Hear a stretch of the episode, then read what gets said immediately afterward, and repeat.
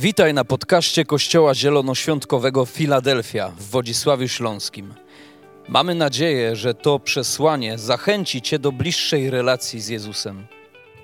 Jeżeli jesteś ciekaw, kim jesteśmy, zapraszamy Cię do odwiedzenia naszej strony internetowej filadelfia.org.pl. Do zobaczenia w Filadelfii. Moi drodzy,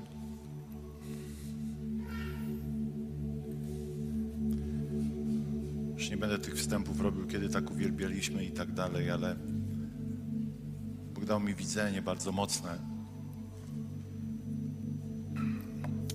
Dotyczy różnych grup pośród nas w Filadelfii. A właściwie dotyczy trzech grup. Czwarta, i to nie o to chodzi, że my dzielimy ludzi, tylko chodzi o to, że, że my sami, każdy z nas, poprzez to, jak funkcjonuje, do jakiejś, w jakiejś grupie się znajdzie dzisiaj. O, to jest mocne, trochę przerażające, a zarazem pełne nadziei.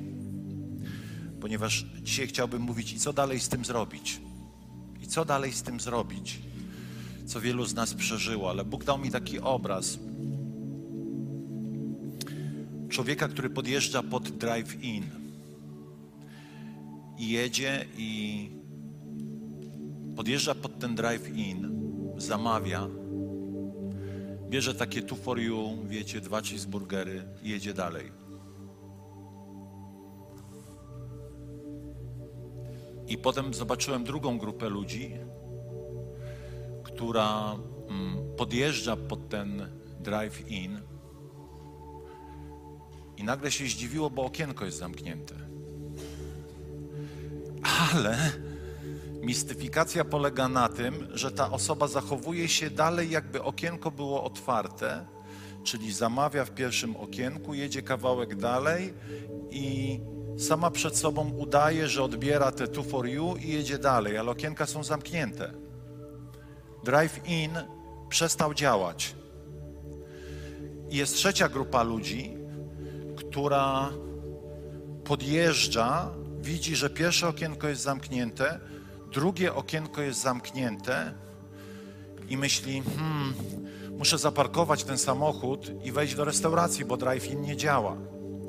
I parkuje ten samochód na parkingu przy tym fast foodzie i wchodzi do, do tej restauracji i rozkminia, co zamówię, nuggetsy, może cheeseburgera, może jakiegoś wrapa i nagle wchodzi i to nie jest, to nie jest fast food, tylko jest cudowna restauracja z wykwintnymi daniami. I mówi, wow, warto było zaparkować i wejść. I teraz moja interpretacja jest taka. Wytłumaczenie tego widzenia jest takie. Pierwsze to jest grupa ludzi, która zredukowała swoją pobożność do two for you.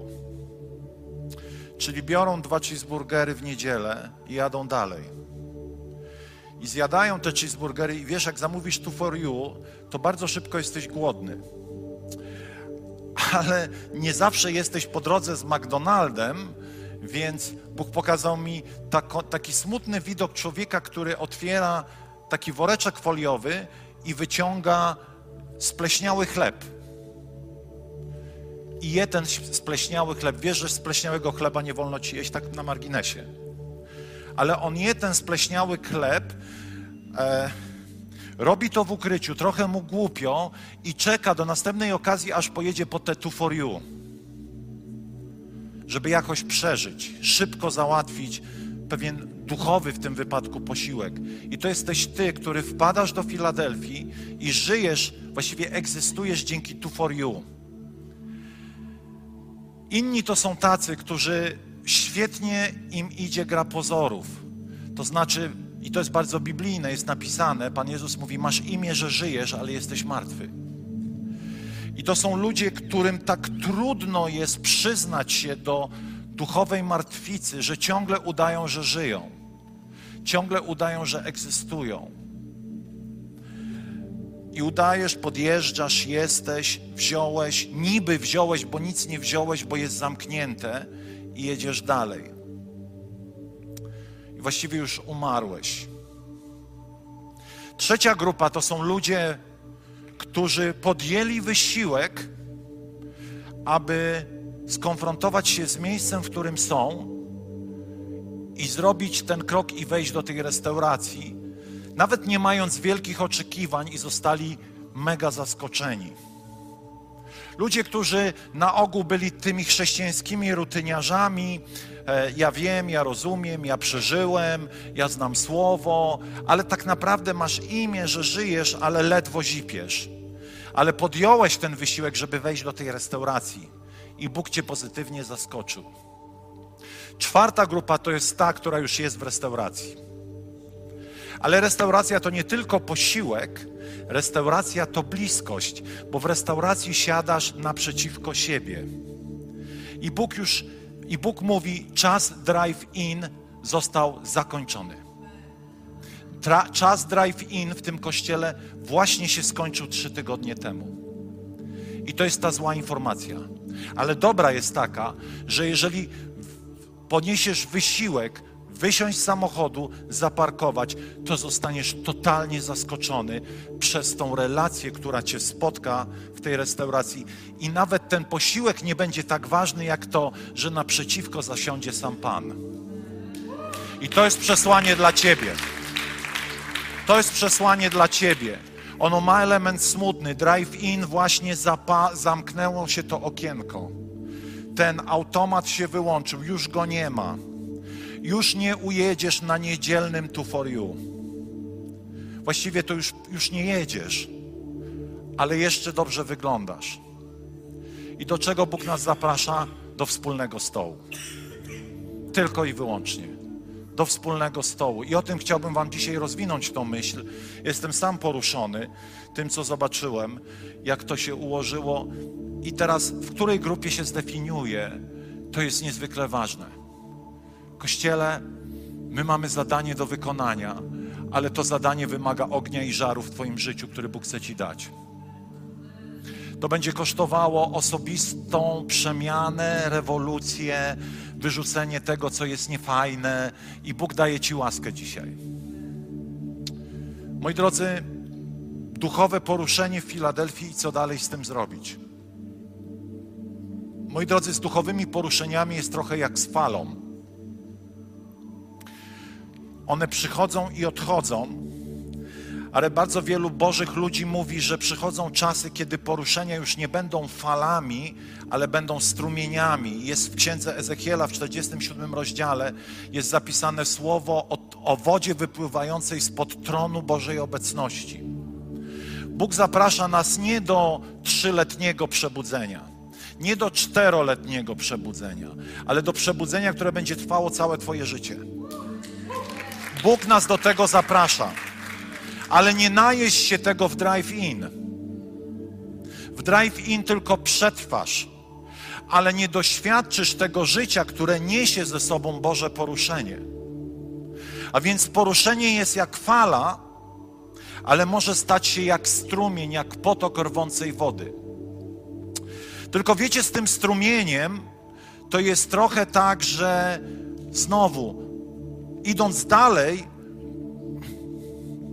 jest strumień, jest morze, jest fala, ale mogę stać z boku i być obserwatorem, jak fala przychodzi i odchodzi. Mogę być obserwatorem, jak strumień płynie i kompletnie będąc blisko, ale nie będę miał udziału w tym, co dzieje się w tej wodzie. Wróciliśmy z dwutygodniowych czasów fenomenalnych. Tydzień jadłem, spałem, jadłem, spałem, ponieważ całe zmęczenie ze mnie zeszło, ale w pewnym momencie, wiecie, taki pomny na poprzednie moje wyjazdy, gdzie jeździliśmy nad morze i ktoś mówi, kąpałeś się? Ja mówię, co ty? Nie lubię. Ja sobie wkręciłem, że ja nie lubię, albo nie chciało mi się, albo woda była za zimna.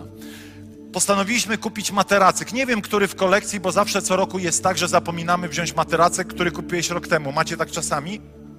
I nagle masz taką kolekcję jakichś dziwnych tureckich, egipskich materacyków, różnych takich misiów pływających i Bóg wie jeszcze czego. I sobie myślisz, jak ja mogłem to kupić? No ale dobra, i, i tradycyjnie w tym roku wyjechaliśmy i kupiliśmy, i znowu musieliśmy kupić materacyk, bo materacyk z tamtego roku jest w składziku i kolejny materacyk kupujemy. I kupiliśmy ten materacyk. Oczywiście Angelika mówi, będziesz ze mną pływać? Ja, ty mnie już do niczego nie zmuszaj, żadnych tutaj programów, żadnych zajęć, żadnych y, tych y, o poranku to, po południu tamto. No mówię, ale ja ci nic nie mówię. Ja mówię, jak będę chciał, to będę pływał. Umówmy się od razu. Zero planów. W każdym razie Wiecie, oczywiście Polak na wakacjach chce za 5 euro kupić materacyk ze złota chyba i chodzimy, kupujemy ten materacyk, aż w końcu znaleźliśmy jakiegoś handlarza, za 5 euro kupiliśmy materacyk, wyciągamy i mówimy, ale serio?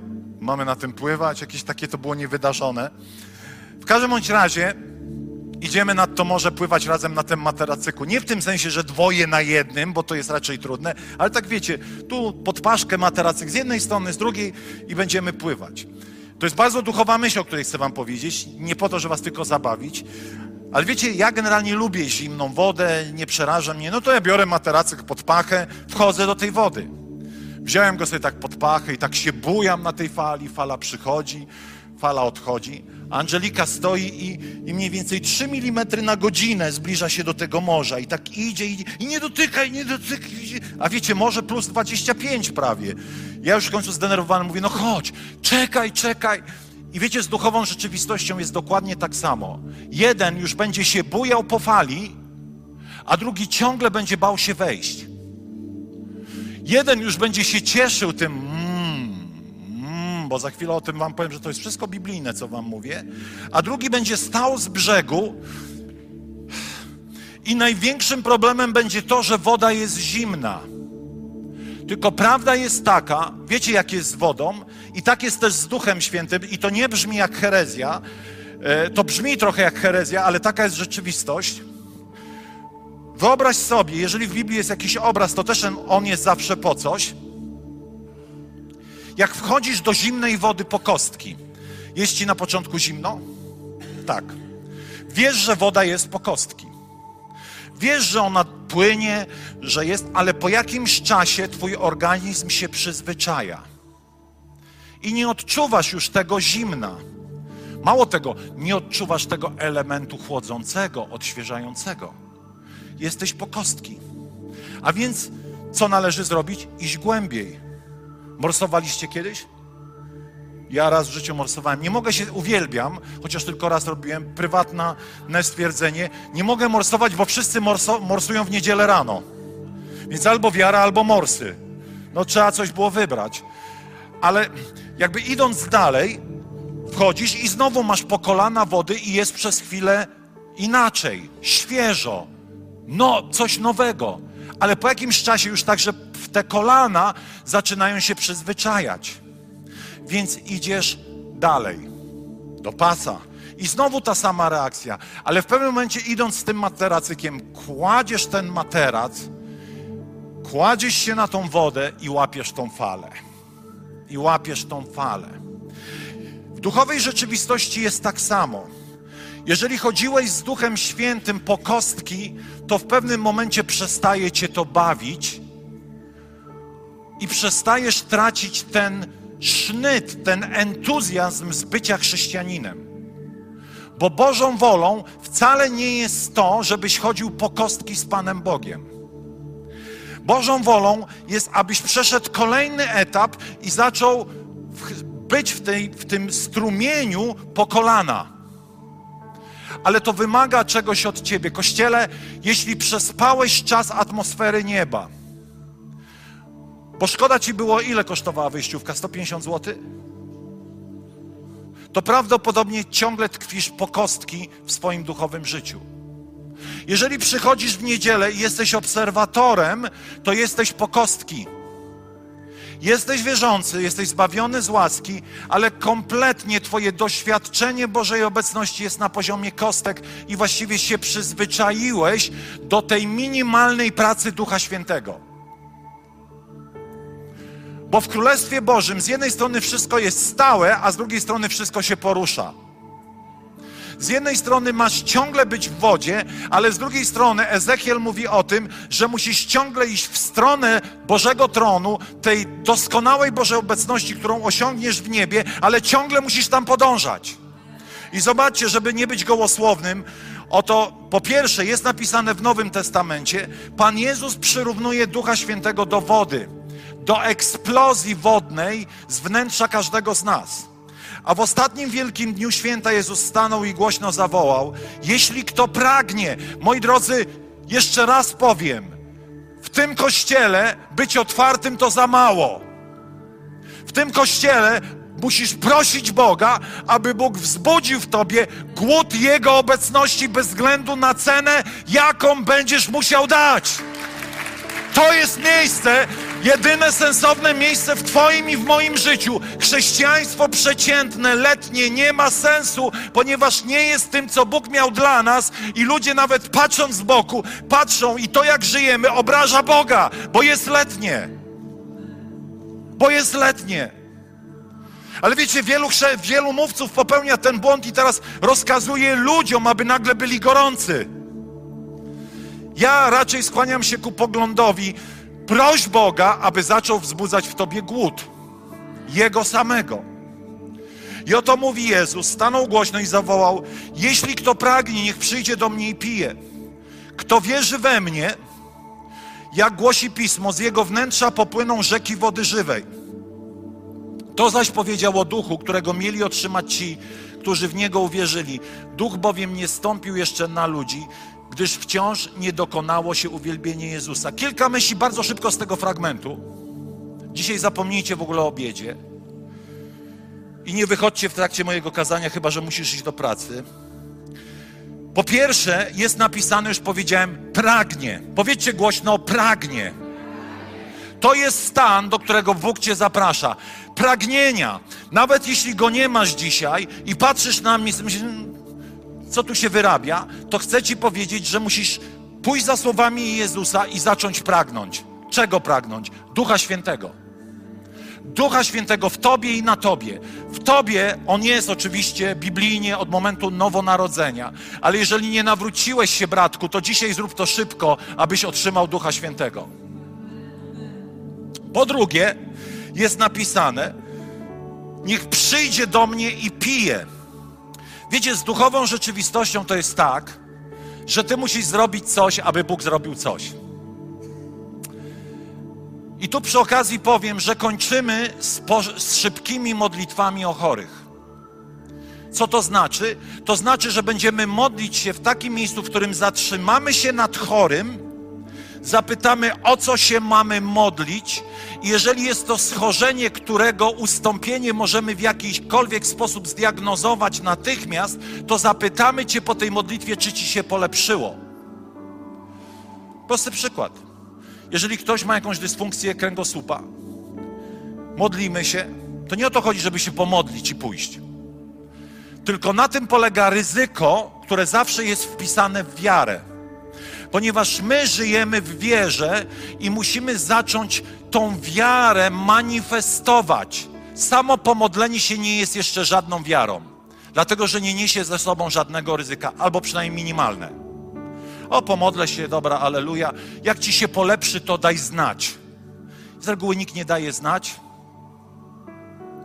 Nie mówię, że zawsze jest tak, bo myślę, że i tak średnia uzdrowień w tym miejscu jest większa niż w innych miejscach i chwała Bogu ale chcę powiedzieć, że jeżeli mam jakąś dysfunkcję kręgosłupa, nie wiem, nie potrafię czegoś zrobić, to pomodlimy się o Ciebie i zapytamy po tej modlitwie, czy możesz zrobić coś, czego nie potrafiłeś zrobić wcześniej. Serio? No właśnie na tym polega ta ryzykowna wiara. Na tym polega to, że zrobię coś, co niesie w sobie niebezpieczeństwo zrobienia z siebie idioty. No bo jeśli nie przeszło, musisz z tym żyć. Pomodliłeś się i nie przeszło. A jeśli przejdzie, to co? Pamiętacie historię perkusisty z którą wam opowiadałem? Trzy palce niesprawne w tej ręce i trzy palce niesprawne w tej ręce. Ja nie wiem, jak on grał. W każdym razie mówi, że od kręgosłupa ma te palce są prawie niesprawne. Ja mówię, to się pomodlimy. Sprawdź, czy masz sprawne. Nie mam sprawnych. Wiecie, co jest w głowie? Sieka. Ale ja mówię, pomodlimy się jeszcze raz. I kiedy modlisz się za chorych, to długość Twojej modlitwy nie ma kompletnie znaczenia. Możesz ją powtórzyć, ale nie módl się 7 godzin, bo już gość po prostu tam dleje. Ja mówię, dobra, pomodlimy się jeszcze raz. Panie Boże, niech w Twoim imieniu te palce zaczną się ruszać. I gość wziął, zaczął tymi palcami ruszać i nagle, mówi, nagle dostał takiego szoku, że uciekł. I dopadł mnie na parkingu i mówi tak, wszystkim będę opowiadał, co się wydarzyło.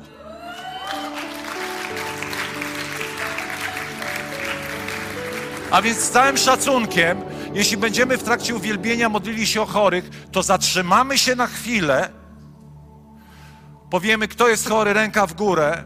I teraz zaryzykujemy, że jeżeli jest to schorzenie, choroba, którą możemy w jakikolwiek sposób sprawdzić, potem oczekując potwierdzenia lekarskiego, ale jeżeli możemy po modlitwie dowiedzieć się, czy się coś zmieniło, to będziemy o to pytać bo każda interakcja z Bogiem wymaga jakiejś Twojej akcji. Pamiętacie człowieka z, yy, z ręką yy, z trądem? Co Pan Jezus mówi? Wyciągnij swoją rękę. Może chodził facet tak. Może się wstydził. Może tą trędowatą rękę miał gdzieś schowaną. A mistrz mówi: wyciągnij ją do przodu, przed siebie, pokaż ją wszystkim. I kiedy wyciągnął, został uzdrowiony. Może przeżywał wstyd. Może myślał, jak zobaczą ten kikut bez ciała, jaka to będzie w ogóle historia. Zaczną mnie wszyscy unikać, bo może chowałem, bo przecież on nie mógł jako trendowaty, o ile dobrze wiem, być tam z tymi ludźmi. Prawda? I może zrobił coś wbrew prawu. Na pewno zrobił coś wbrew prawu mojżeszowemu. I teraz Jezus mówi, wyciągnij swoją rękę. Jeszcze w sabat to, to w niedzielę, jakby w dzień wolny, w sobotę zrobił. A więc niech przyjdzie i pije. Biblia mówi, abyśmy napełniali się duchem. Jest wiele niezrozumienia i takich, wiecie, e, pseudo, pseudo-biblijnych nauczeń. No jeśli Bóg będzie chciał, to, to to zrobi. Tak, Bóg jest wszechmocny i zrobi, ale bardzo wiele rzeczy nie robi, ponieważ my nie jesteśmy wystarczająco gotowi zaryzykować wiarą. A jeśli Duch Święty będzie chciał mnie napełnić, to mnie napełni. Ale tam jest napisane pije. Czyli staję w pozycji przyjmuję Cię, Duchu Święty. Przyjmuję Twoją obecność. Napełniam się nią. O, bracie, to brzmi dziwnie. No ale tam jest napisane piję. Czyli to jest strona aktywna. Przyjmuję Cię, Duchu Święty. Napełniam się Twoją obecnością. Mm, teraz wchodzisz do, spoczywasz na mnie. Przyjmuję Twoją chwałę. Przyjmuję Twoją obecność. Jest tu tak napisane piję? Tak? Tak czy nie? Czy to jest jakaś intelektualna figura? Czyli pije, czyli niech nie pije. To coś jest napisane, z wnętrza jego popłyną rzeki wody żywej. To jest ciekawe, że po pierwsze jest napisane strzewi, czyli gdzieś tutaj, tu się gdzieś lokalizuje szczególna Boża obecność w naszym organizmie. Dlatego, że pamiętajcie, słyszeliśmy to, co powiedział, to, co powiedział Rick, że Boża obecność jest terytorialna. Dlaczego w jednym miejscu jest przebudzenie, a w drugim nie ma? Bóg sobie upatruje jakieś przestrzenie, gdzie ludzie są głodni. I to dotyczy także naszego ciała. Bardzo często Bóg u nas jest zredukowany do takiej koncepcji, jaką miałem za dziecka, że jest jakąś taką plazmą, jakąś taką chmurką, że właściwie On w tej naszej rzeczywistości, nie wiadomo, nie można go do, doprecyzować. On jest wszędzie, a zarazem pisze, że z tego miejsca popłyną rzeki wody żywej. Co to znaczy? To znaczy, że na poziomie tu mojego organizmu ja doświadczam jakiejś Bożej obecności, która przemienia świat wokół mnie. Halo, tu ziemia.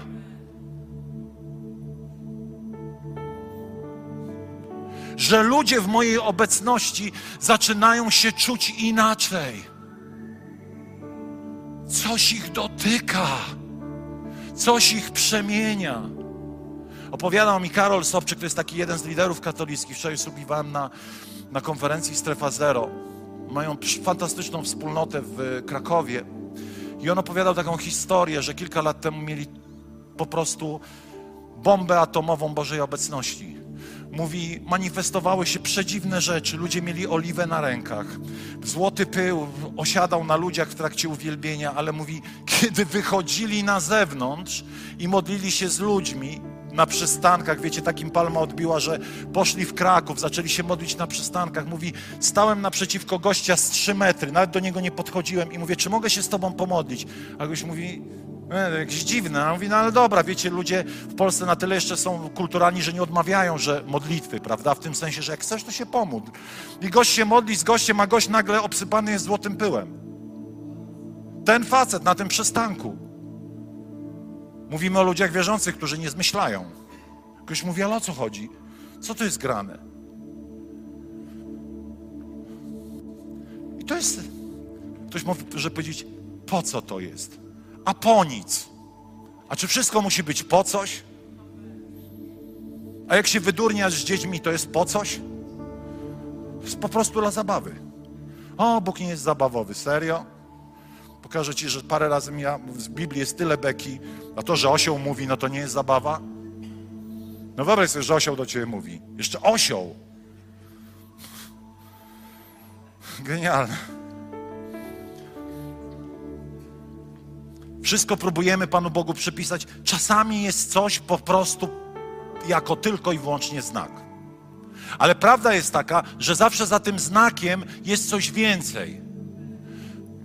Za tym złotym pyłem jest to, że jesteśmy do tego, aby czynić ten świat szlachetniejszym, lepszym.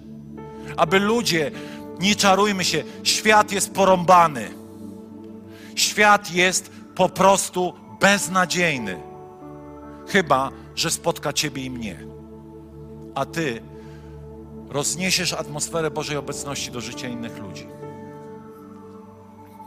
A więc fala, która wszystko zmiata i albo popłyniemy na tej fali, albo staniemy się zgorzkniali, krytyczni i pełni sceptycyzmu. Oto Ezechiel 47 rozdział, kilka fragmentów, bo to jest prawie cały rozdział.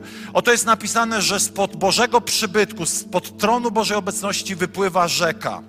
I teraz jest napisane, że oto Ezechiel mówi, że jego przewodnik ze sznurem mierniczym w ręku ruszył na wschód. Odmierzył tysiąc łokci i kazał mi przejść przez wodę, sięgała mi po kostki. A więc zobacz, woda, symbol Ducha Świętego, o którym mówi Pan Jezus. Możesz chodzić z Bogiem po kostki. I co robi ten przewodnik? Prawdopodobnie anioł. Czy zostawia Ezechiela w tym miejscu? Mówi nie. Odmierz kolejną miarę i wejdź głębiej. Bo to czytamy, zobaczcie dalej. I znowu odmierzył tysiąc łokci, prosząc, bym przeszedł przez wodę. Przeszedłem, sięgała mi do, po kolana. Odmierzył następne tysiąc łokci, znów kazał mi przejść przez wodę, sięgała mi po pas. Odmierzył kolejne tysiąc łokci, była to już rzeka i nie dało się jej przejść. Rzeka była zbyt głęboka, można było płonąć, płynąć, nie można było przejść. Pytanie jest do ciebie. Pytasz, co z tym zrobić? Jeżeli zanurzyłeś się na, inaczej, jeżeli stoisz na brzegu i się przyglądasz, to chcę Ci zaproponować, abyś wszedł po kostki. Ale żebyś nie trwał zbyt długo po kostki w Bożej obecności i abyś wszedł po kolana. Ale żebyś nie był zbyt długo po kolana, abyś wszedł po pas, a potem, żebyś dał się ponieść. Wiemy, że ten doskonały moment, w którym będziemy niesieni, ten doskonały z doskonałych będzie tam w obecności Pana. Ale Biblia zachęca nas do tego, abyśmy szli każdego dnia w stronę Bożej obecności. A przeciwnik chce ci powiedzieć, nie, nie, kostki ci wystarczą. Chce ci powiedzieć, że drive-in jest zamknięty. On jest zamknięty, drogi bracie. Skończyły się czasy tu for you. Dlaczego? Dlatego, że Bóg zaprasza Cię do stołu Jego obecności, gdzie chce Cię karmić najlepszymi daniami, o których nawet Twoja głowa jeszcze nie słyszała.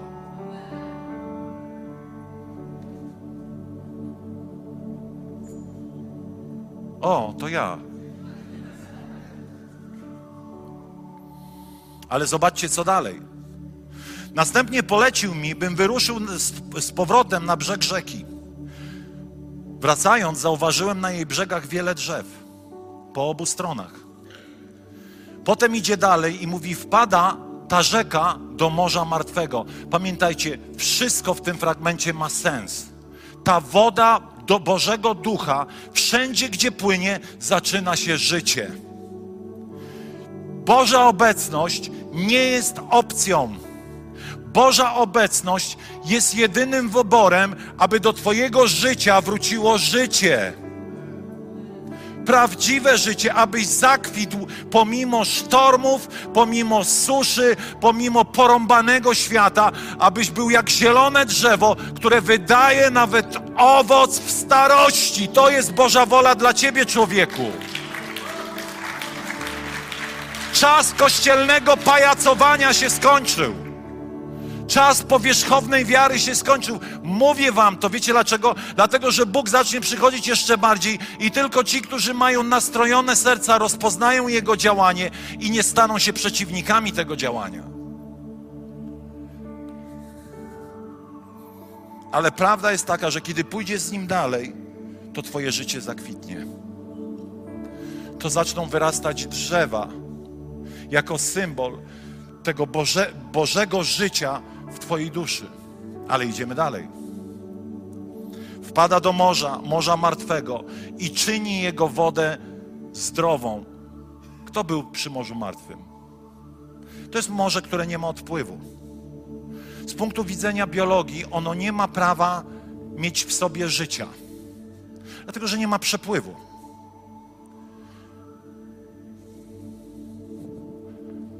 Prawa fizyki, prawa biologii i prawa duchowe są takie, że musisz przyjmować i dawać. I kiedy przyjmujesz, to po to, żeby coś z tego, co przyjąłeś, dać. Nie możesz ciągle niedziela w niedzielę jeść tu for you, człowieku. I jeszcze to zatrzymać dla siebie. Żyjesz, aby żyć dla kogoś i czegoś. I wiecie, Bóg mówi, że to, co jest niemożliwe z punktu widzenia biologii, to kiedy moja woda Ducha Świętego, mojej obecności przepływa, to nawet Morze Martwe zaczyna żyć. Więc dobra informacja jest taka, że bez względu na to, jak bardzo skostniałeś, jak bardzo jedynie egzystujesz kościelnie, kiedy poddasz się Duchowi Świętemu, gotowy na to, żeby zrobił wszystko, co chcesz, co On chce, zaczniesz na nowo żyć. Zaczniesz pomimo, że z biologii to jest niemożliwe, zasolenie Morza Martwego jest tak potężne, że właściwie nic tam nie żyje, nie ma odpływu, ale kiedy przyjdzie Boża obecność, to to, co martwe, zaczyna żyć. Amen. Oddajmy Mu chwałę. Dokądkolwiek ta rzeka dociera, tam zaczyna się roić od istot żywych. Uzdrawia wo wodę swoim nurtem i sprawia, że pojawia się wkrótce mnóstwo ryb.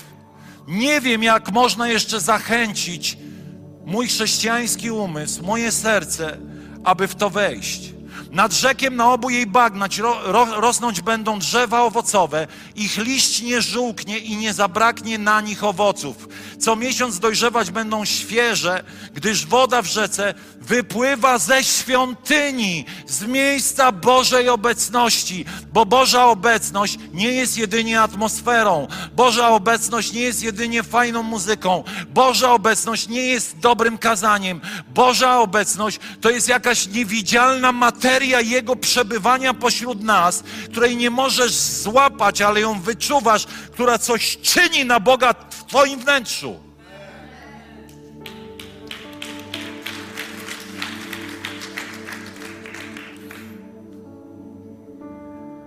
Ich liść nie żółknie, co miesiąc, przepraszam, zgubiłem się, a nad rzeką, po, jeszcze raz wrócę do tego, a nad rzeką po obu jej brzegach rosną będą przeróżne owoce, ich liść nie żółknie, nie zabraknie na nich owoców, co miesiąc dojrzewać będą świeże, gdyż woda w rzece wypływa ze świątyni.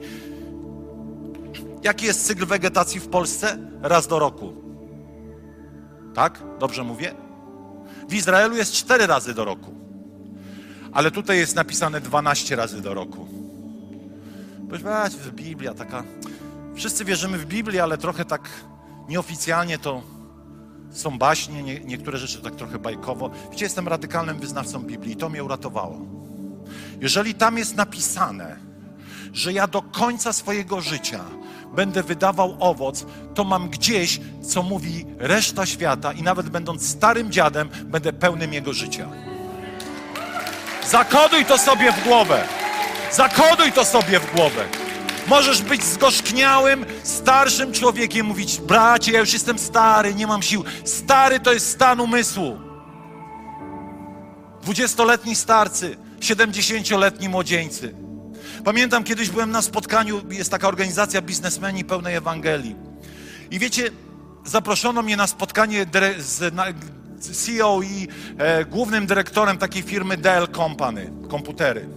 Człowiek wierzący, emerytowany szef. Mówi, w wieku 70 lat poszedłem na emeryturę. Mówi, od 10 lat jeżdżę po świecie i głoszę Ewangelię biznesmenom. Ja mówię, serio? Wyszedł dziadek, 80-letni. I jeździł po świecie, spotykał się z biznesmenami, bo wiedział, że jego historia jako, jako dyrektora Dela będzie przyciągać wielu ludzi biznesu. I ten dziadek mówi, jeżdżę po całym świecie. A co robią polscy chrześcijanie w wieku 80 lat? Odpalają telewizor i, i szykują sobie trumnę.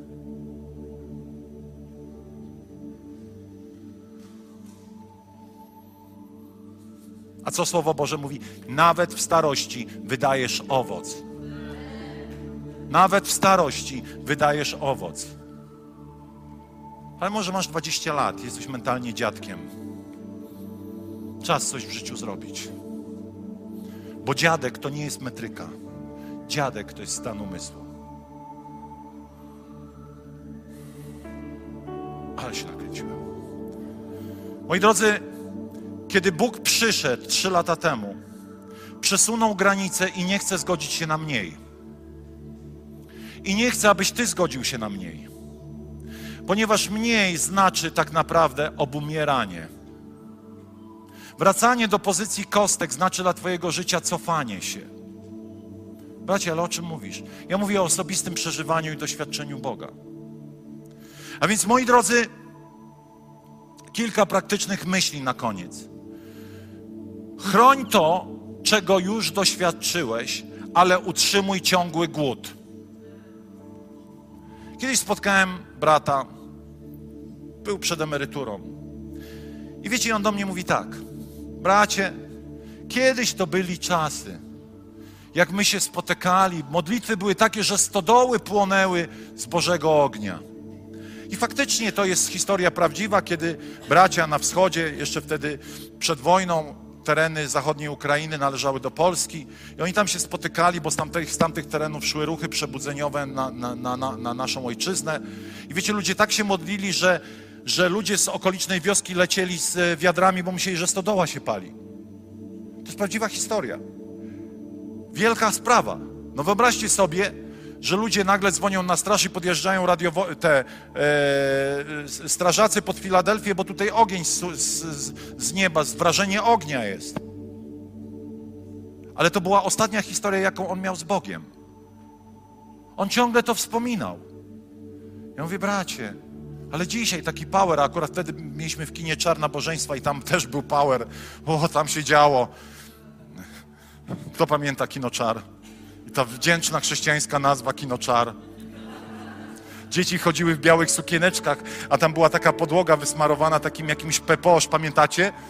Takim jakimś przeciwpożarowym mazidłem. I wiecie, jak ludzie padali pod tą mocą Bożą, to te białe sukieneczki były całe wyciorane w tej mazi jakiejś. Kobiety ładnie poubierane wracały do domu w maziach, bo wszyscy żeśmy padali pod mocą Bożą. Ale na atmosferze nieba było więcej. I nie mam na myśli jedynie, wiecie, pewnego zewnętrznego doświadczenia, ale tego, co w człowieku zostaje, kiedy spotyka się z Bogiem. Ja o tym mówię. O tak, wiecie, czasami nasze ciało reaguje na literalnie Bożą obecność w różny sposób. Ktoś może powiedzieć, ja nie padam. Nieważne, bo tu nie o padanie chodzi. To nie o padanie chodzi.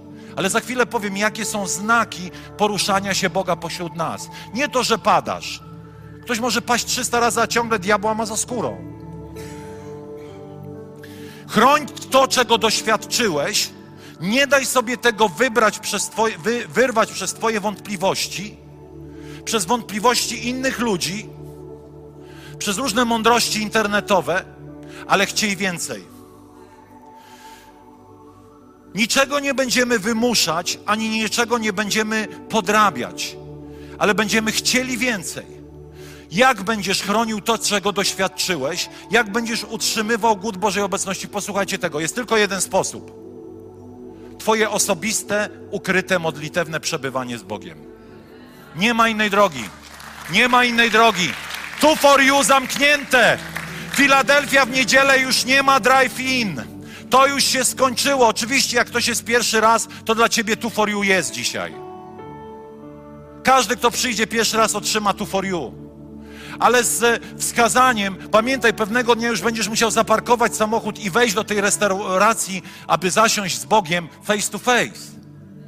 Ale wiecie, życie duchowe rozpoczyna się od tego, że wstajesz rano, bierzesz Biblię i przebywasz z Nim.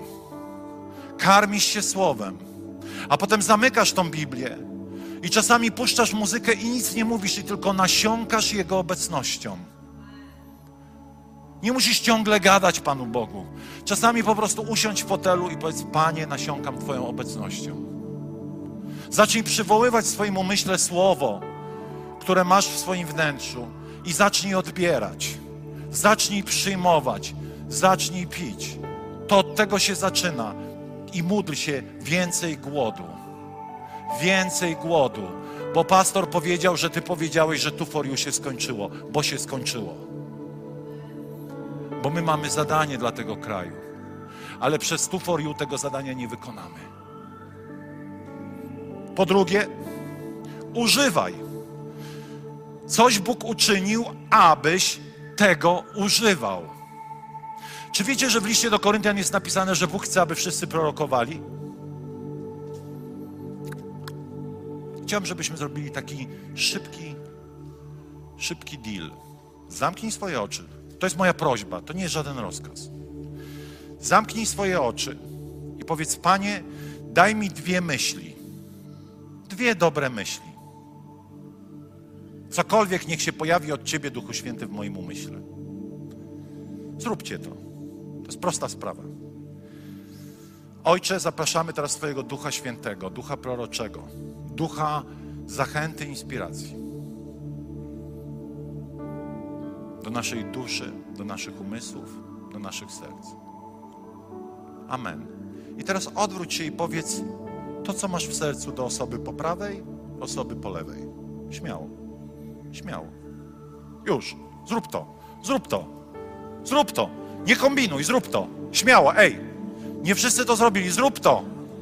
Modliłeś się przecież do Ducha Świętego. Śmiało, śmiało, no przełam pewne tabu.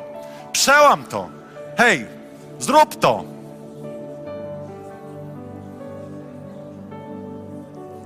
Niektórzy nie zrobili, bo może się obawiają albo się zastanawiają, czy są godni. Jeżeli narodziłeś się z Ducha Świętego, to Bóg chce już do ciebie mówić. I teraz posłuchajcie. Miało być jedno zdanie. Nie mówiłem, żeby cały rozdział z Biblii cytować. Właśnie prorokowaliście. Halo? Czekajcie. Właśnie prorokowaliście. Zaprosiłeś Ducha Świętego, a więc wierzysz, że to, co pojawiło się w Twojej głowie, jeżeli jest pozytywne, inspirujące, jest od Pana Boga, bo Bóg zawsze daje rzeczy, które przynoszą życie, przynoszą odnowienie i nikt nie może być źródłem rzeczy dobrych jak tylko Pan. Właśnie prorokowałeś, oddaj Bogu chwałę. To jest prostsze niż ci się wydaje. To jest prostsze niż ci się wydaje. Ale ponieważ boimy się ryzyka, no właśnie na tym polega ryzyko, że to, co mam w sobie, powiem drugiemu człowiekowi. Ale my już zakładamy, że on powie, nie świruj. E, głupie to. Wiecie, ile razy ktoś mi powiedział, ale ile razy powiedział, skąd wiedziałeś? Pamiętacie, co mówili podczas konferencji nasi bracia z Betel? Że jeśli chcemy przygotowywać się na wielkie rzeczy, to musimy trochę pomyśleć o kościele jako o stajni, że przygotowuje się konie, ale konie czasami zrobią, przepraszam za to wyrażenie, kupę. Jeżeli się pomyliłeś, posprzątamy. Posprzątamy, ogarniemy, ale nie ma nauki bez pomyłek. Jeżeli chcesz zawsze wypaść dobrze przed innymi ludźmi, to prawdopodobnie chodzisz po kostki w Bożej obecności. A więc używaj. Chcemy, abyś odważnie, krótko i z wiarą modlił się o chorych. Rób to treściwie i zapytaj po modlitwie, czy osobie się poprawiło. A jak się nie poprawiło, to pomóc się drugi raz. A jak się też nie poprawi, trudno. Bierz to na klatę, ale idź dalej, bo pewnego dnia zobaczysz takie uzdrowienie, że głowa mała.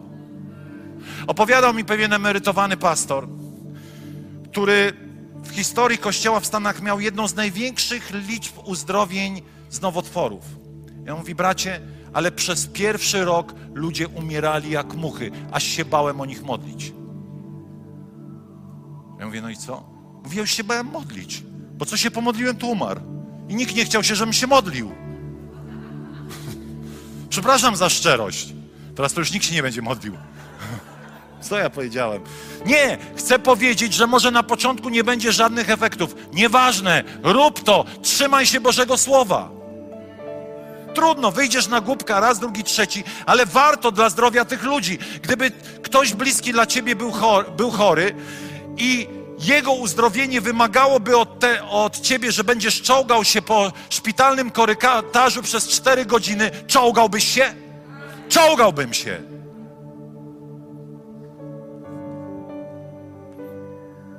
Co dalej? A więc podejmuj ryzyko. Bądź otwarty i chętny i pragnący, aby na każdym spotkaniu korzystać i usługiwać proroczo. Na waszych dobrych domach zacznijcie mieć momenty. Nie mówię, że całe dwie godziny, ale 10-15 minut na usługę proroczą. Wy sobie prorokujcie. Nie czekajcie, aż super lider wam zaprorokuje. Poproś Ducha Świętego o słowo i w drogę. Nie bój się pomyłek, to się odkręci. Niech nasza modlitwa będzie jak atmosfera, wypełnia wszystko. To, że nabożeństwo się skończy, to nie znaczy, że w kawiarni bez spektakularnego show możesz pomodlić się o kogoś, trzymając go za rękę.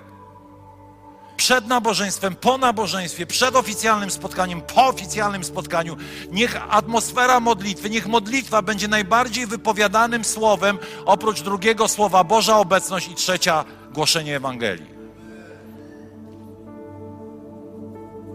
I ostatnia myśl, żadnej różnicy. Co chcę powiedzieć? To znaczy, że to, co mówię, dotyczy wszystkich, którzy żyją w tym miejscu. W tym sensie żyją. Od niemowlaków, z niemowlakami będzie problem, ale od niemowlaków poprzez seniorów. Chcę, aby nie było żadnej różnicy ze względu na wiek, ze względu na płeć, ze względu na pochodzenie, ze względu na pozycję w kościele, aby każdy uwierzył na tym miejscu, na litość boską, że jest potrzebny Bogu, aby zostać użytym dla poszerzania Jego królestwa. Czy masz 7 lat, czy masz 10 lat, czy masz 45 lat, czy masz 80, Bóg Ciebie potrzebuje. Może masz 17 lat. Nie bądź zblazowanym młodym chrześcijaninem w grupie dalej. Zacznij być pełnym ognia. Zacznij być pełnym ognia. I na koniec krótka prorocza perspektywa ostatnich rzeczy, które dzieją się w Polsce. Ponieważ żyjemy w Polsce, ponieważ polski kontent. Co tam się dzieje? A, super, super, super. Razem powiedzieli duch radości. Aha, i ważne, nie róbcie sensacji, jak komuś coś się robi. Nie róbcie z tego halo, i też nie panikujcie, przyprowadziłem Stasia. Stasiu teraz dostanie chyba jakiegoś szoku. Spokojnie, Pan Bóg ma taką zdolność za zamykania oczu ludziom. Kiedy byłem pierwszy raz na nabożeństwie, to widziałem same anioły. W sensie w kościele. Potem połowa to diabły wcielone, ale druga połowa dalej anioły. Ale tych diabłów nie widziałem i się nawróciłem. Bo gdybym ich widział, to bym się nie nawrócił. Nie panikujmy, kiedy Bóg będzie coś czynił. Aha, zanim prorocza perspektywa, mogę jeszcze chwilę? Mogę, bo prosiłem was o zgodę, więc mogę. Jak oceniać zjawiska ponadnaturalne? Czy duchowe zjawiska w kościele? Po pierwsze, Biblia mówi, że nie po formach ich rozpoznacie, a po owocach. Wielu chrześcijan to są wyznawcy form i rozkazują Panu Bogu, jak to ma wyglądać. A najczęściej jest to przesfiltrowane przez filtr ich preferencji, estetyki, lubienia, nielubienia. Niedawno było takie długo trwało, wielkie przebudzenie w Kentucky w, e, na uniwersytecie w Asbury. I to nie było przebudzenie zielonoświątkowe ani charyzmatyczne. To był ośrodek metodystyczny. I można by było powiedzieć, hmm, u metodystów przecież oni są już prawie martwi. Ale Bóg tam się poruszył, poruszył środowiska akademickie w całej Ameryce. Wczoraj słyszałem relacje ludzi, którzy tam byli. Wiecie, ten ośrodek, jakby przez ośrodek tego kampusu leci droga. Bo to jest mała mieścina, to Esbery, kilka tysięcy ludzi, ale jest tam uniwersytet chrześcijański. I mówi, ludzie jechali samochodami przez środek i widzieli tysiące, tysięcy ludzi, którzy modlili się, nawracali się do Boga. I czasami ludzie jadąc tymi samochodami zatrzymywali się, wysiadali, klękali, krótko się modlili, oddawali Bogu chwałę i jechali dalej. Tam nie było uzdrowień. Tam nie było proroctw, ale była jedna rzecz.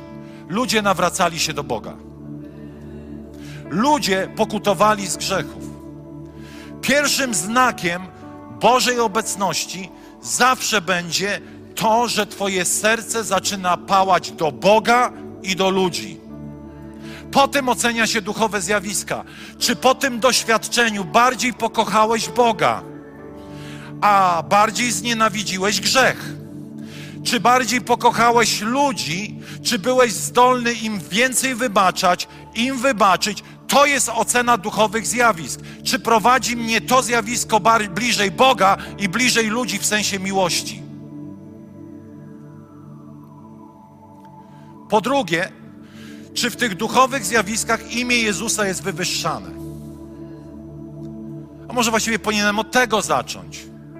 Ale myślę, że kiedy imię Jezusa jest wywyższane, to w tym samym czasie Boża miłość jest pomnażana. Ale to jest ważne, dlatego że musimy zadać sobie pytanie, o czym było to zdarzenie? Czy ono było zdarzenie o panu z Ameryki, o panu z Filadelfii, o jakimś mówcy, o jakimś czymś ludzkim, czy jednak ono było o Jezusie? Po trzecie, czy to wydarzenie mieściło się w kanonie słowa, ale nie w tym sensie, że się tam coś wydarzyło, czego nie ma w słowie. Tylko czy to wydarzenie, jakby, czy Biblia obejmowała ramami to, co tu miało miejsce od strony teologii, tej głównej. Dlatego powiedziałem, że nie wydarzyło się tu nic, czego nie byłoby w Biblii. Oczywiście w Biblii nie było ludzi w dżinsach i w koszulkach, nie było takiego uwielbienia, bo Biblia w Nowym Testamencie, posłuchajcie, w ogóle nie zajmuje się formą. W ogóle. Tu nie ma nic o formie. Tu jest tylko, czy kochasz bardziej Boga i ludzi. I czy mieścisz się w słowie. Ale nie w tym sensie, że ojej, nie było takiego uzdrowienia Dlatego, że jest napisane, że Biblia nie opisuje wszystkich zdarzeń, bo zabrakłoby Biblii, żeby opisać wszystkie zdarzenia, które Jezus uczynił. To nie jest książka kucharska, ale to jest pewne boisko, po którym się poruszamy. Po trzecie, jest prosta teologia. Kto prosi Ducha Świętego, otrzymuje Ducha Świętego. Jeżeli prosiłeś o Ducha Świętego, to nic w ciebie innego nie weszło, jak Duch Święty i owoce to potwierdzają. Nic w ciebie nie wejdzie, jeśli jesteś nowonarodzonym chrześcijaninem, jak tylko więcej Ducha Świętego. Wiecie, czasami mnie zastanawia taka teologia, o, bracie, jeszcze coś we mnie wejdzie. Serio? I ty tak żyjesz, że ciągle się obawiasz, że w ciebie w coś wejdzie, a we mnie nic nie wyjdzie. Co najwyżej moja głupota może we mnie wejść, ale żaden diabeł, demon we mnie nie wejdzie, jest, jestem gorący.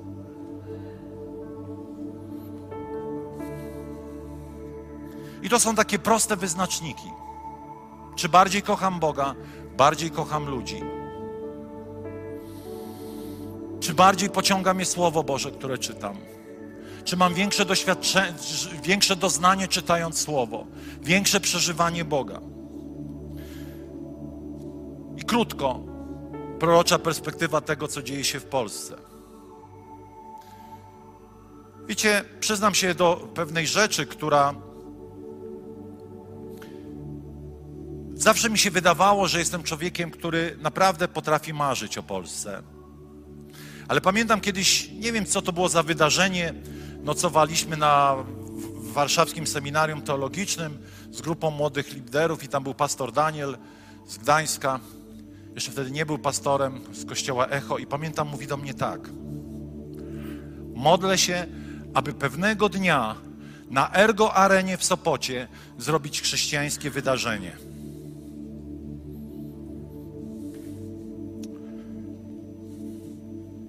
Nie miałem wiary. Nie miałem wiary. Nie miałem wiary. Ale on tego dokonał. Eksodus w, chyba dwa razy pod rząd był w Ergo Arenie. I to był duchowy przełom, który pociągnął. Wiecie, ja wiele razy słyszałem proroctwa. Będziecie zgromadzać się na stadionach, będziecie zgromadzać się na halach. Co myślę, serio, a my mamy 125 członków. Ponieważ boję się Boga, to nigdy tego nie podważyłem, ale mówię, moja, moja czacha tego nie ogarnia na razie. Natomiast od jakiegoś czasu zaczyna coś się dziać. Wchodzimy na stadiony, kościele. Wchodzimy na stadiony. I to nie są tylko, posłuchajcie, i, i niedawno jeszcze mnie to uderzyło, ktoś mnie uświadomił, co na tych stadionach się dzieje. Koncerty uwielbienia. A pamiętacie, co uwielbienie poprzedza? Bożą chwałę. A mógłbym wam wymienić Łódź, Mógłbym wam wymienić Niki Wójcicza w Wrocławiu. Mógłbym wam wymienić następne wydarzenie, które było koncert Michael W. Smitha. Potem Hillsong United. Następnie będzie Jeremy Riddle we Wrocławiu, a potem będzie, potem będzie w Gliwicach, pomóżcie mi, Kylie Job. Jeśli to jest przypadek, to ja po prostu abdykuję. Ale co tam się dzieje? Uwielbienie, bo uwielbienie poprzedza chwałę. To jest nie tylko event. A poskakali, pośpiewali. Serio? Czy my traktujemy, że pośpiewali? My deklarujemy, my wywyższamy króla już na stadionach kościele. Ostatnim wielkim wydarzeniem, którego ja nie pamiętam, bo byłem za mały, był David Wilkerson w katowickim spotku i to było w latach 80. A potem była cisza. A potem były nieumiejętne próby gromadzenia ludzi na stadionach. I nagle ktoś odkrył klucz. Ale ten klucz ma jedną niedogodność. Ponieważ otwiera stadiony, ale ten klucz nie jest w naszych rękach, tylko jest w rękach ludzi wyznań, którymi czasami gardzimy.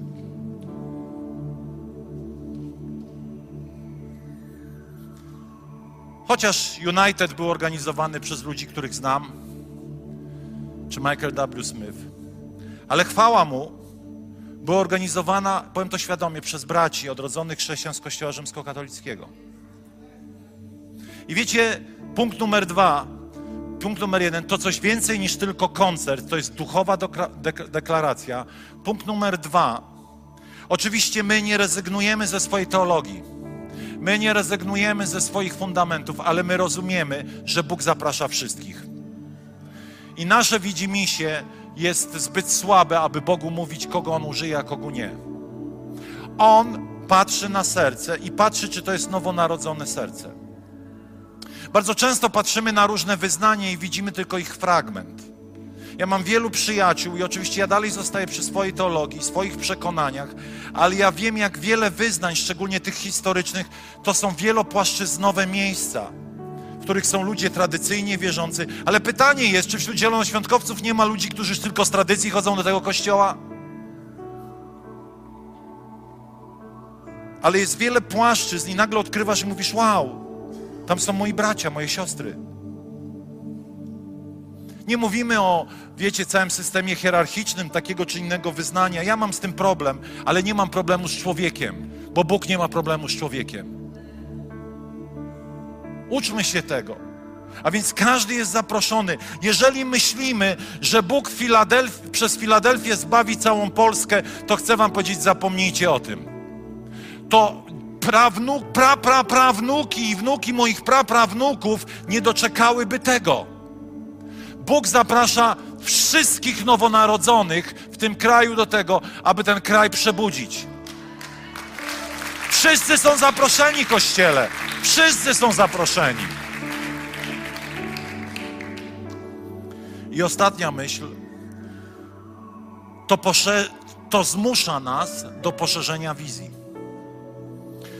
Odważni organizatorzy przełamują wąskie i ciasne myślenie małych wspólnot chrześcijańskich i zapraszają nas na stadiony.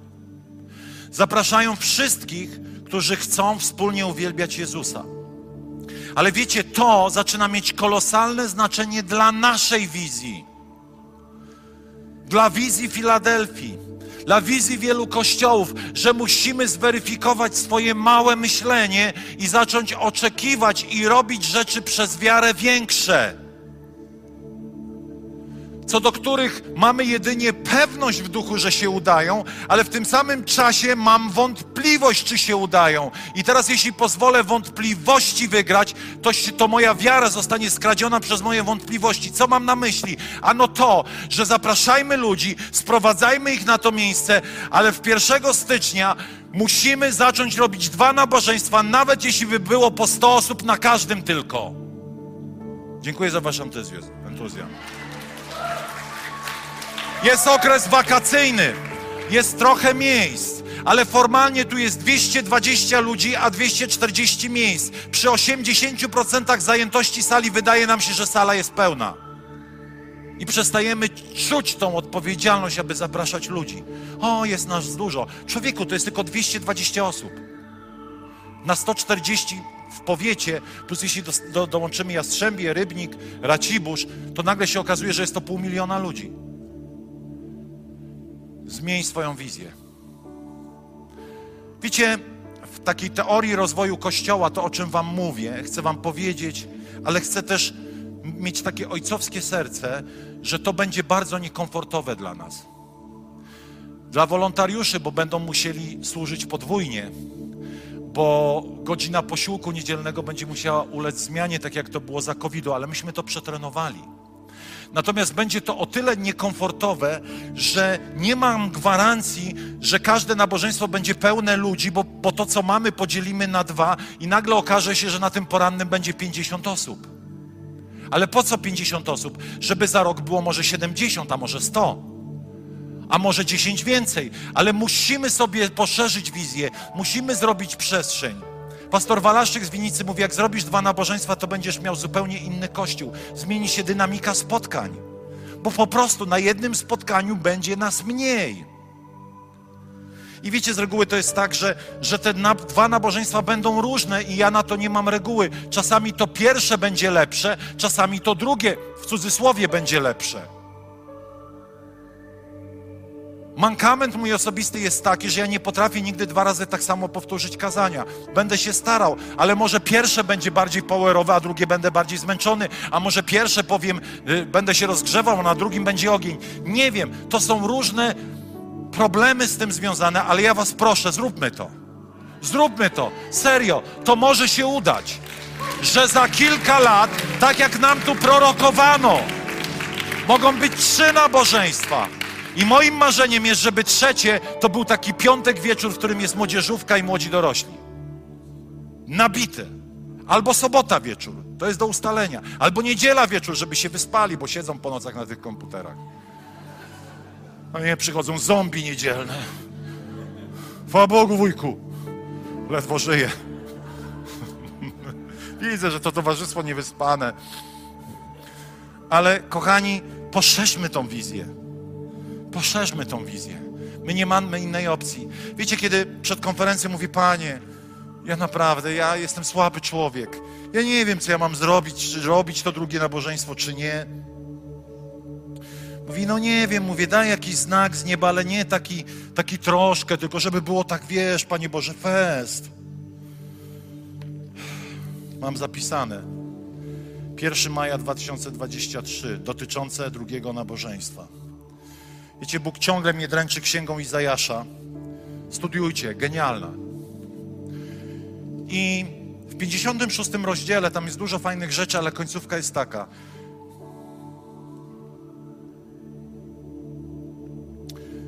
E, może od szóstego wersetu, ale końcówka jest ważna. A cudzoziemców przyłączających się do Pana, aby Mu służyć, kochać imię Pana i należeć do Jego sług. E, Momencik, momencik.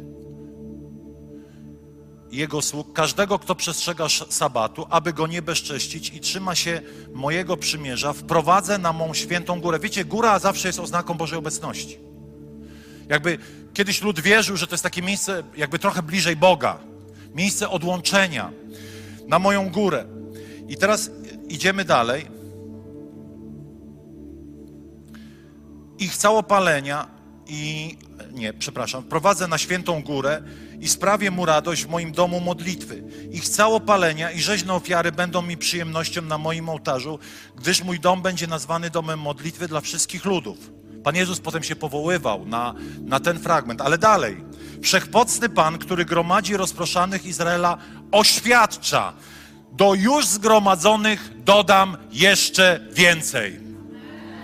I ja otrzymałem to słowo, ale sobie myślę, Panie, ja nie chcę z siebie głupka zrobić, bo może jednak sobie coś wkręcam, więc Ty mi jeszcze to powiedz drugi raz. Wiecie, Bóg jest kochany, Bóg się nie, nie obraża. Pamiętacie Gedeona? Ten to był niewierny Tomasz. To jak zrobię to, to zrób tak, a potem zrobię tak i Bóg ciągle cierpliwie i nagle robi się atmosfera nieba i facet mówi o trzech nabożeństwach. Że tu będą trzy nabożeństwa. On z perspektywy proroczej to mówił do nas, czyli wypowiadał słowo w autorytecie samego nieba, a nie dlatego, że chciałby, żebyśmy mieli trzy nabożeństwa. Musimy rozumieć, że jest różnica między pobożnym życzeniem, a czymś, co wypowiadasz w autorytecie proroczego słowa, ponieważ prorocze słowo zawsze ma moc tworzyć rzeczywistość. I rzekł Pan. Dzisiaj przed nabożeństwem rozmawialiśmy z e, naszym generałem kochanym i, i, i mówimy o, o, o mocy słowa. I ja mówię, wiesz, ja raz po nawróceniu, powie, przepraszam, za, tylko już nie, nie wkręcajcie sobie tego w głowę, powiedziałem słowo na K. Na literę K. Jak, u, jak, jak ubrałem się na rozmowę kwalifikacyjną w styczniu, wysiadając z samochodu, wywróciłem się i wpadłem w błoto w nowym garniturze. Wtedy zakląłem siarczyście. Ale Bóg oczyszcza naszą mowę, ponieważ nasza mowa ma przynosić życie. Ktoś może powiedzieć, ale to taka umowa społeczna, że słowo na K to jest przekleństwo. Moi drodzy, nie, nie, nie. Myśmy się umówili, że to jest przekleństwo. Czyli za każdym razem, kiedy wspólnota się na coś umawia, to przypisuje temu moc. W niebie nie, nie ma tam, wiecie, w niebie jest wszystko czyste i błogosławione, ale sobie myślę, dlaczego ja o tym mówię? Dlatego, że to, co mówimy, Jakub mówi, niech z naszych ust nie wychodzi błogosławieństwo i przekleństwo. I teraz, kiedy facet wyszedł, nie wierzę, że on, wiecie, wychodzi z Filadelfii i mówi ja, albo... Ponieważ to słowo nie miałoby mocy. Ponieważ to źródło jest nieczyste, jest porąbane, jest, jest bez mocy. I teraz każdy z nas musi prosić Boga, jest napisane w jednym z psalmów, otwórz usta, a napełnię je. Otwórz usta. I teraz, kiedy chłop to powiedział, kiedy brat z Ameryki powiedział o tych trzech nabożeństwach, to wiecie, we mnie aż tak, wow, o, dzięki Ci, Panie. Tak, wiem, robimy trzy. Ale sobie myślę, a jak nie przyjdą? Dzielę się sercem, żeby wam powiedzieć, że ja nie jestem jakimś, wiecie, niesamowitym prorokiem, który tylko wierzy i tak dalej. Ja mam tysiąc różnych wątpliwości. Wierzę i mam wątpliwości, wierzę i mam wątpliwości. Ale nie mogą te wątpliwości nas zatrzymać, bo wiecie, i psychologia, i nauki duchowe, i teologia, i Biblia mówi o tym, że wszystko żyje w cyklach. Jeżeli utkniemy w tym jednym nabożeństwie na lata, zaczniemy umierać. Zaczniemy umierać, Kościele. Ponieważ nie będzie, ponieważ wszystko, jak to się mówi, pantarej, wszystko płynie. I my musimy płynąć. Dlatego, moi drodzy, ostatni punkt, dosyć trudny, ale znowu chcę poprosić Was, że pomożemy Wam to przejść. To jest to, że niestety jest taki guzik reset. I kończymy po dwóch latach życie naszych służb, naszych grup, dobrych domów. Wiecie dlaczego? Bo za trzy lata skosniejecie. I czy Wy tak wierzycie, czy nie, tak po prostu się dzieje. Nie ma na to bata za przeproszeniem. po prostu opatrujemy się sobie i to jest silniejsze niż Twoje wkręcanie. Twój umysł taki jest, że się przyzwyczaja. Dlatego ten Ezekiel mówi o tym, że królestwo to jest ciągły postęp. Nie chcesz poznać nowych ludzi? Nie chcesz posłuchać życiorysów i świadectw innych ludzi. Nie chcesz przeżyć tej, tej ekscytacji tego sezonu zapoznawania się, a potem wspólnotowości, a potem działania, a potem ryb resetu znowu za dwa lata. Ale wiecie, co jest fajne? Chcę wam powiedzieć, Filadelfia to jest miejsce naprawdę przekozaków. Jak pierwszy raz robiliśmy reset, to sobie myślę, wnerwią się na taczce mnie wywiozą. Ale sobie myślę, w tym roku już jest lżej i za to wam dziękuję. Moi drodzy, niech Bóg was błogosławi. Amen. Oddajmy Bogu chwałę. Oddajmy Bogu chwałę. Poproszę zespół, grupę uwielbiającą. Zagrajmy Bóg przebudzenia. Możemy to nastawić, żeby był gotów revival. Tak, chcę gotów revival. Zaśpiewajmy tą pieśń i niech ta myśl, wiecie, osobistego przebudzenia, przebudzenia naszych sąsiadów, naszych rodzin, naszych bliskich, niech towarzyszy nam. Nie wiemy, jak będzie dalej z Polską, ale widzimy, że coś się rozwija. Ale my jesteśmy odpowiedzialni za nasz kawałek tej podłogi, za nasz region, za nasze miasta, za Rybnik, za Racibus, za Wodzisław. Oczywiście tam są inni, tam są też cudowni. Oczywiście zawsze troszkę z nimi rywalizujemy tak fajnie, uczymy się od siebie nawzajem, ale my wszyscy, dopiero kiedy wszyscy połączymy siły, ogarniemy Polskę Bożym ogniem. Powstańmy i oddajmy Mu chwałę, zaśpiewajmy God of Revival, Bóg przebudzenia.